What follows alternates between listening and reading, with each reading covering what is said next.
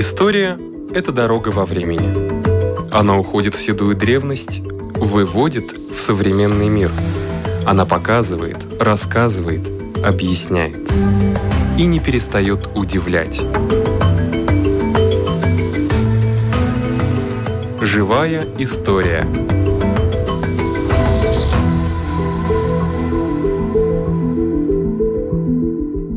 У микрофона Лидия Чера.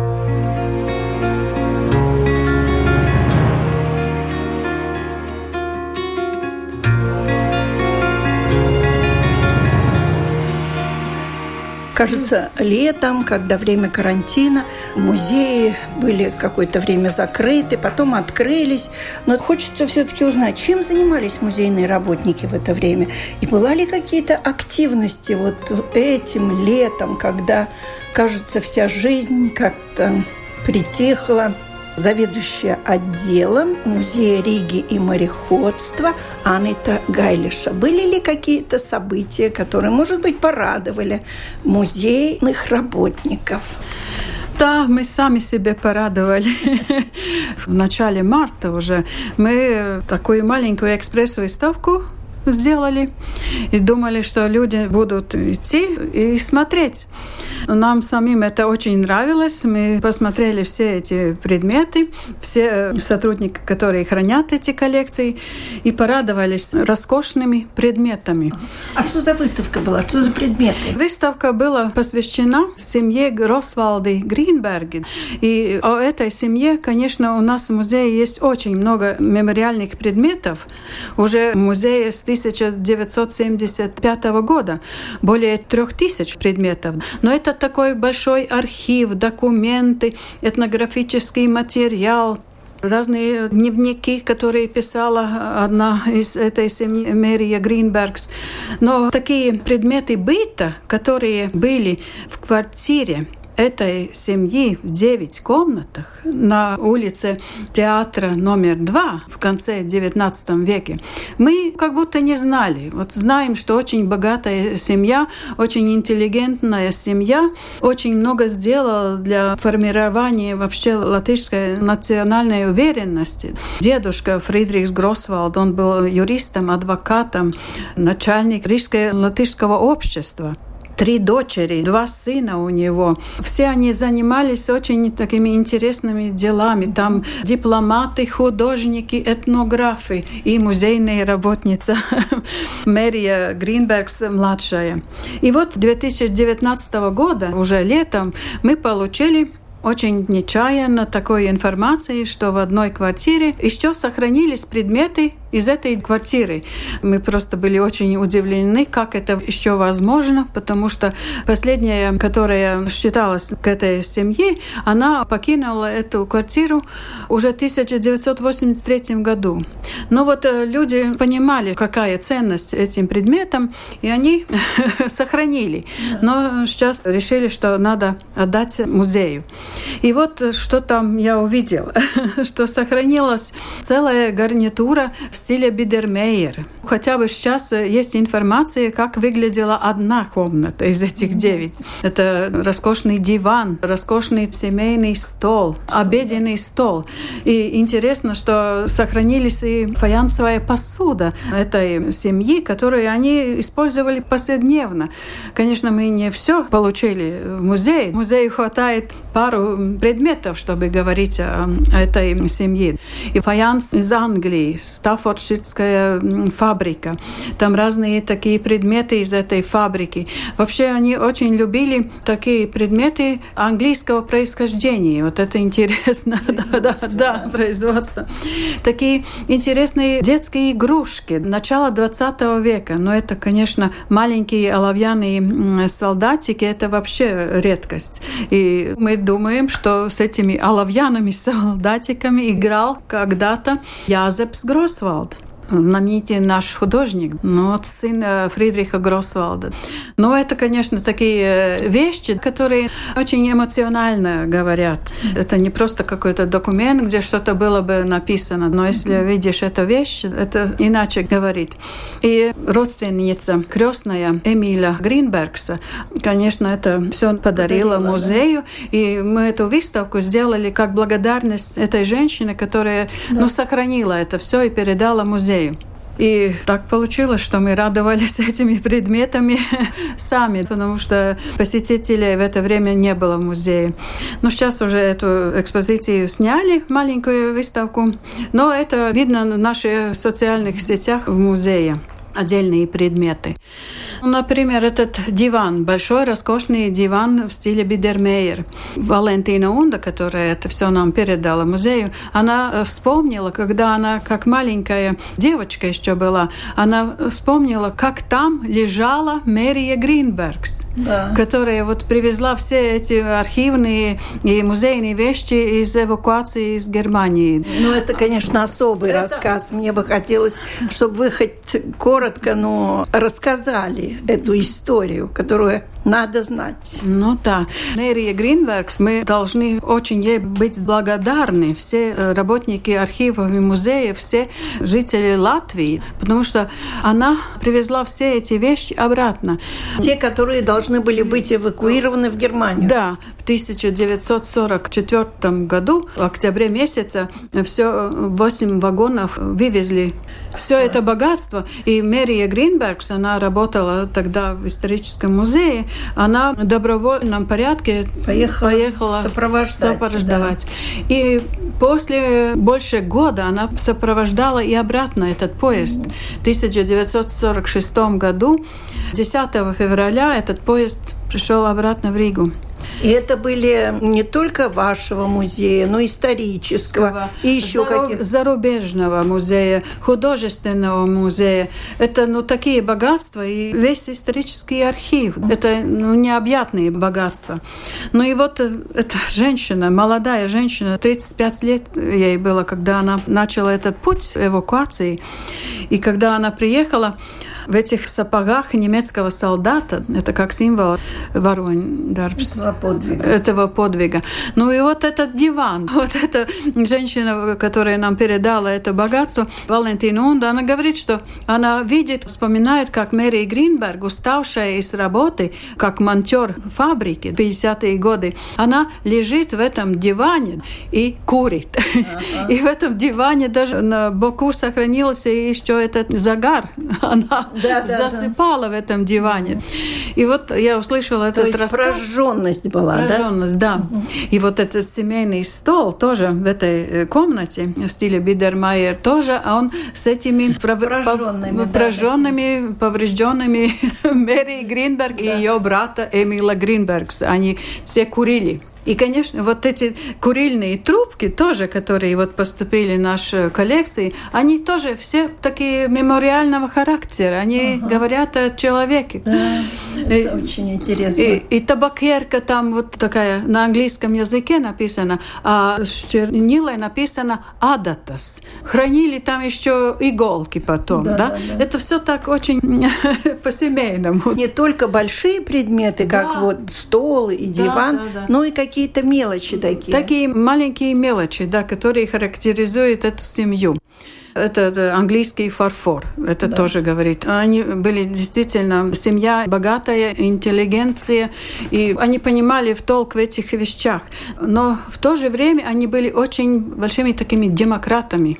Они делали такие работы, которые связаны не только с получением денег, да, но они действительно трудились на этом поприще вот национального искусства, литературы, культуры, истории. Это доказывает все эти документы, которые у нас сохранились. Ну вот такой подарок мы получили в конце прошлого лета. А сейчас мы хотели подарить это рижанам посмотреть, но вот видите, пандемия это остановила. Но музейные работники продолжают работать, обрабатывают эти предметы. Надо сейчас реставрировать, и будет когда-то новые выставки, мы опять будем показывать. А сейчас небольшая часть этих предметов видна в интернете, в нашем музейном сайте. И это можно посмотреть. А вот вы сами, когда смотрите, как вы определяете, что надо реставрировать, что не надо реставрировать. Вы считаете, вот эти вот прожоги на диване, mm-hmm. надо все реставрировать и сделать из этого дивана совсем новый диван. Но я понимаю, что материал, mm-hmm. то есть mm-hmm. тряпичный материал, да. наверное, надо менять, потому что его да. нельзя восстановить. Да. Дерево прекрасно сохранилось, вы мне показывали, да. и стол, и все. Но, наверное, что-то надо, а что-то все-таки можно и оставить. Конечно. Вот эти мелочи мы обязательно оставим, потому что это говорит о, о истории, о, о да. человеке, который это использовал, эту мебель. Это очень важно. Да, mm очень много вот таких мелочей. Как определить, что оставить, что да, убрать? Да. Ну, другие фирмы реставрации делают так, что этот предмет потом не узнать. Он ну, как да. будто сегодня сделан. Надо да. сохранить вот эту ну, дух, дух того времени. Дух того времени. И той семьи. И той семьи. Вот это главное, да. Спасибо за рассказ, и я надеюсь еще увидеть все-таки эту выставку, когда она откроется, когда мы выйдем из этой пандемии. Спасибо. У нашего микрофона была заведующая отделом Музея Риги и мореходства Анита Гайлиша.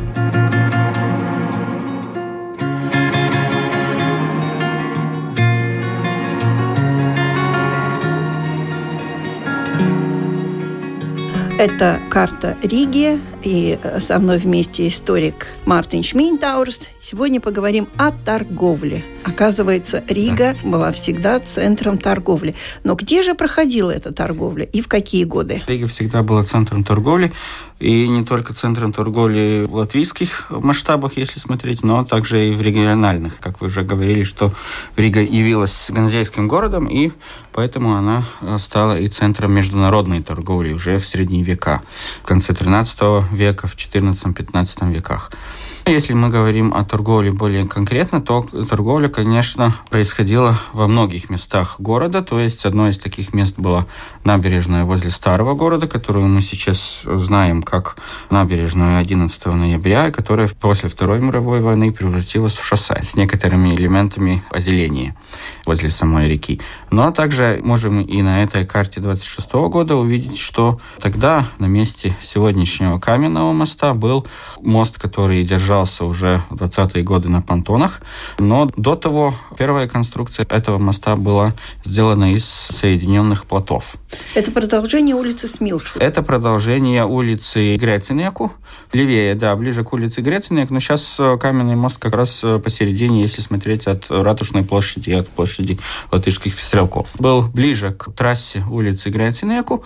Но вы совершенно верно сказали об улице Смилшу, потому что как раз улица Смилшу была центральной улицей улицы Старого города. И если мы сейчас говорим, что центральная ось улиц Старого города – это улица Кальтю и потом бульвар Бриибас и так далее, то в главной улице, в том числе и улице в торговом смысле, была улица Смилш. Там, где сейчас находится набережная 11 ноября, там был центральный или главный продовольственный рынок города вплоть до 1930 года. Наверное, удивляться не приходится, потому что торговали корабли, да. подходили и выгружали, чтобы далеко не возить, тут же на набережной пытались продать. И на более старинных рисунках, скажем, там, 18 века, можно отчетливо увидеть, как эта торговля происходила не только на самой набережной возле старого города, но она происходила также на этом плотовом мосту, о котором мы говорили, потому что он был рубежом между двумя частями бассейна реки. То есть с верхнего течения вниз проходили баржи торговые, и с устья реки,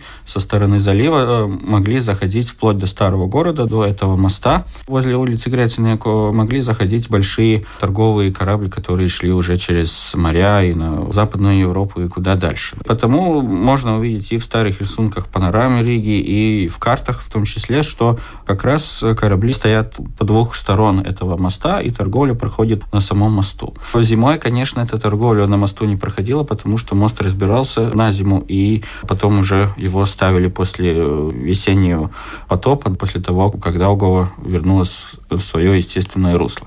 Потому вот зимой тоже торговля перенеслась на саму набережную возле города.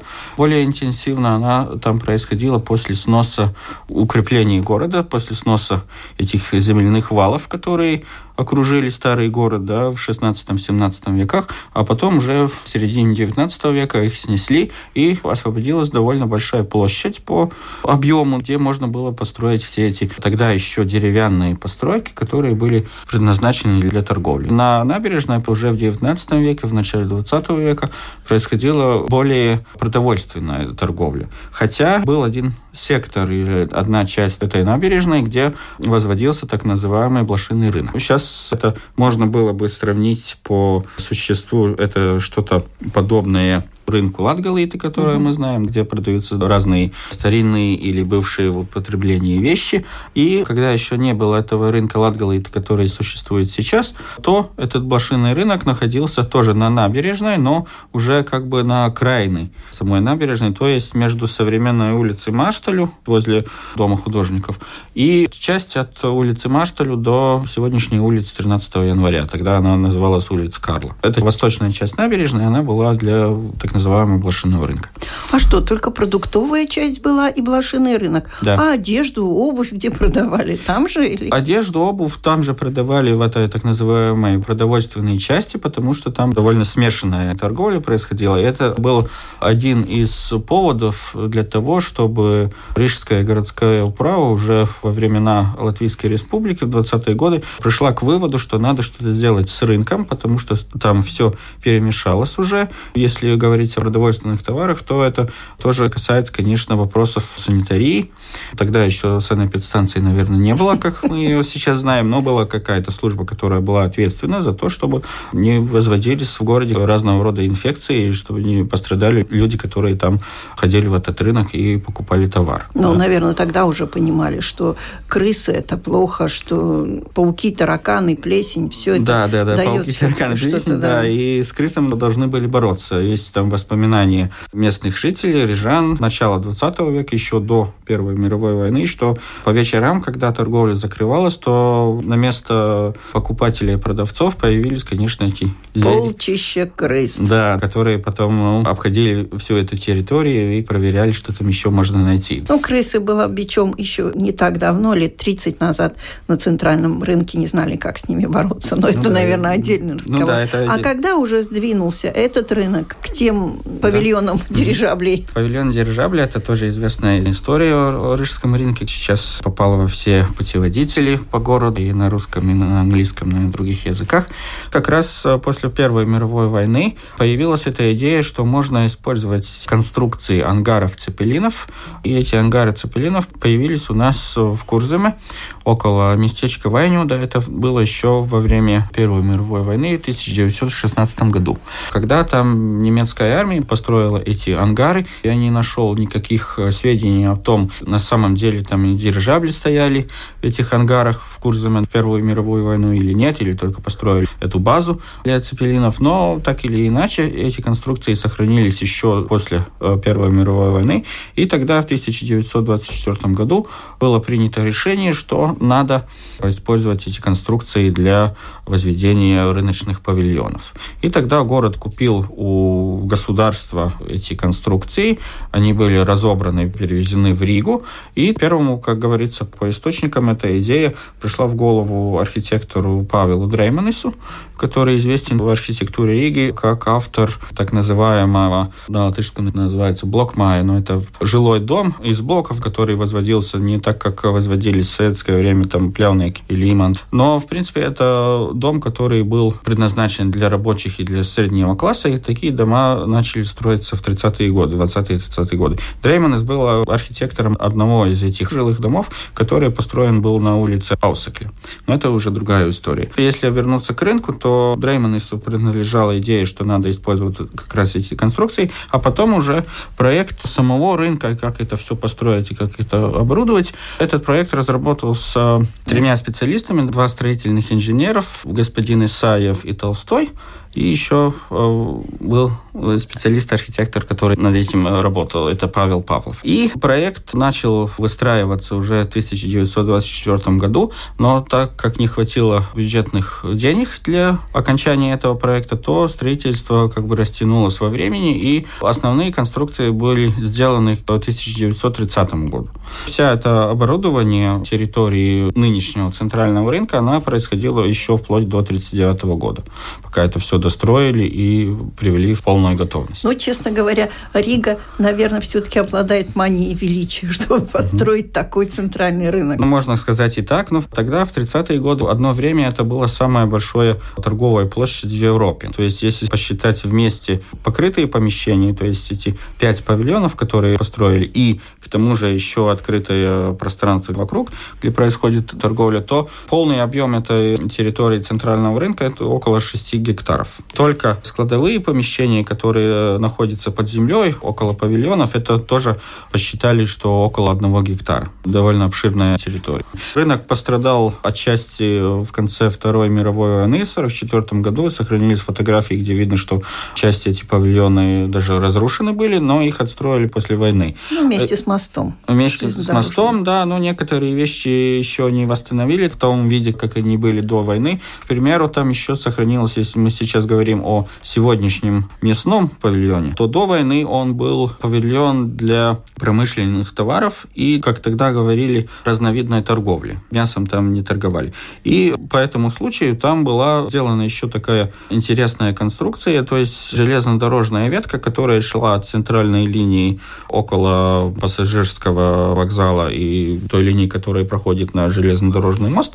Как раз этот э, сегодняшний мясной павильон стоит ближе всего к железной дороге. Там была сделана специальная ветка, чтобы подогнать вагоны на уровне второго этажа. Часть этой конструкции еще сохранилась. Если проходить мимо мясного павильона по сторону канала городского, да, то видно, что та пристройка с башнями, которая там стоит, она сохранилась с тех времен, когда еще была там железнодорожная ветка. Чтобы там... Могли бы восстановить. Могли бы восстановить, но, в принципе, так как павильон поменял функции, промышленных товаров там уже не загоняли с поезда, с железной дороги, то очевидно, решили, что к этому нет никакой нужды, никакой надобности. А для домохозяек, которые с полными руками с рынка идут на вокзал, сколько лишнего сколько надо пройти? Лишнего, да. Ну ладно, это, конечно, вопрос не к историку. Но есть еще одна часть в истории торговли. То есть это небезызвестное название «Гостиный двор», которое относилось к комплексу зданий, стоявшему когда-то на площади около улицы Тургенева, то есть там, где сейчас стоит здание Академии наук. И это торговое площадь или торговый комплекс тоже появился уже, как историки говорят, в новое время, то есть в 70-е годы 18 века, когда там возводились первые торговые здания э, деревянной постройки. И тогда это место получило название «Гостиный двор». Ну, мы знаем, что, например, в Петербурге сохранился и само здание «Гостиный двор», да, универсальный магазин и, и весь этот квартал. В Риге тоже был такой гостиный двор, но он был деревянной конструкцией. Там главная дорога сегодняшняя Даугавпилское шоссе, которое идет из востока в Ригу.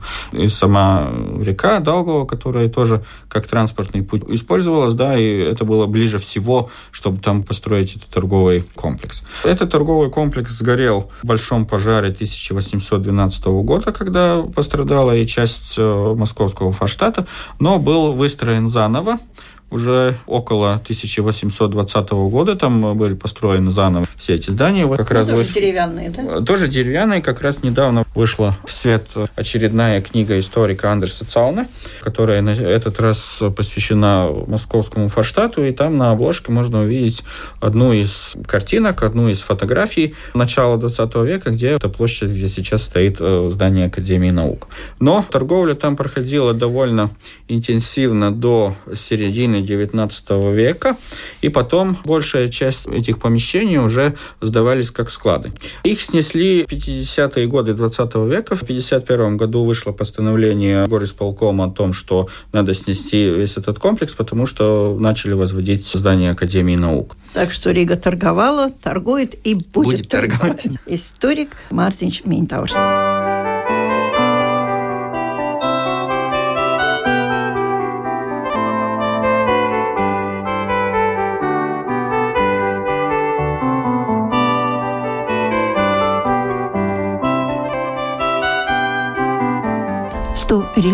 Истории Латвии, рассказывает историк Ирина Зейбарте. На этот раз мы предлагаем вам очень интересную реликвию. Но вообще-то, я опять говорю, очень интересную. Надо сказать, что мы считаем, что все из этих ста реликвий чем-то уникальны, но это, о которой мы поговорим сегодня, уникально в своем роде. В любом случае на территории Латвии обязательно. Потому что речь пойдет о самом древнем, самом старейшем изображении человеческого лица, портрета, реалистичном изображении, которое найдено на территории Латвии. Находка очень интересная и случайная. Могли ее и не найти, но спасибо археологам, находка дошла до нас. Это обломок глиняной штукатурки, наверное, которая покрывала когда-то печь. А нашли ее на территории одного из самых известных, самых больших городищ на территории Латвии – Тервете. В 1955 году, когда археолог Эмилия Бривкална производила там раскопки, неожиданно нашелся этот обломок. Он покрывал печь в доме ювелира. Но, наверное, надо сказать, нацарапан или какой-то палочкой или, или тросточкой, и при помощи пальцев изображает он лицо мужчины поворотом три четверти, очень ясно видно лицо, глаза, нос, рот и даже прическа изображена. И этот мужчина дует э, дудочку, обыкновенную свирель или дудочку, ну, трудно сказать. Это, как известно, один из самых древних, известных вообще человечеству музыкальных инструментов, поэтому помочь он э, датировке, конечно, не может. Скорее может помочь э, датировке то, что найден этот обломок глины в том уровне раскопок городища, который относится к XIII веку. И XIII век, как известно, это переломный век в истории э, Латвии. Это время, когда на территории Латвии начинают э, поселяться немецкие поселенцы, торговцы, миссионеры и потом братья орденов. Сначала меченосцев, потом Ливонского ордена. Ну, это время викингов. И да, уже прошло немножко время викингов, но время, как сказать, крестоносцев, завоевание территории Латвии, это именно 13 век. И городище Тервета в истории Латвии занимает в истории именно 13 века особое место, потому что это один из центров Земгалы, одно из центральных поселений, центральных городищ Земгалов. И Земгалы в то время были одной из пяти народностей, населяющих территорию Латвии.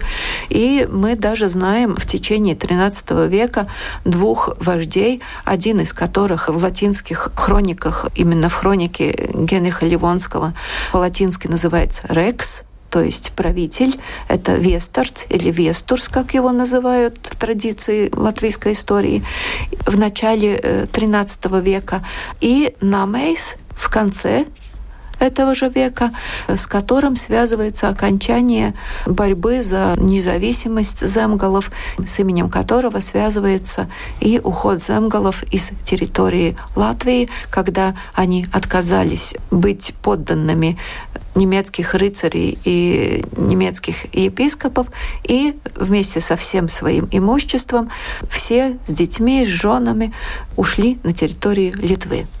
И все это время городище Тервете было таким центром земгалов, и поэтому может быть и не случайно это находка. Конечно, есть версии о том, кто мог бы быть автором этого изображения мужчины. Во-первых, это, конечно, мог быть кто-то из местных, из местных земгалов, но может быть и кто-нибудь из, как сказать, гостей заморских, когда уже немецкие рыцари не однажды и посещали Тервета еще как гости, и потом уже как завоеватели. Я думаю, что мы можем абсолютно точно сказать, что автора этого изображения мы не найдем. Не найдем. ну, Имени его точно. мы тоже никогда не узнаем. Но самое важное то, что вообще в это время, 11, 12, 13 веке, очень редко находится изображение именно человека, именно человеческого лица.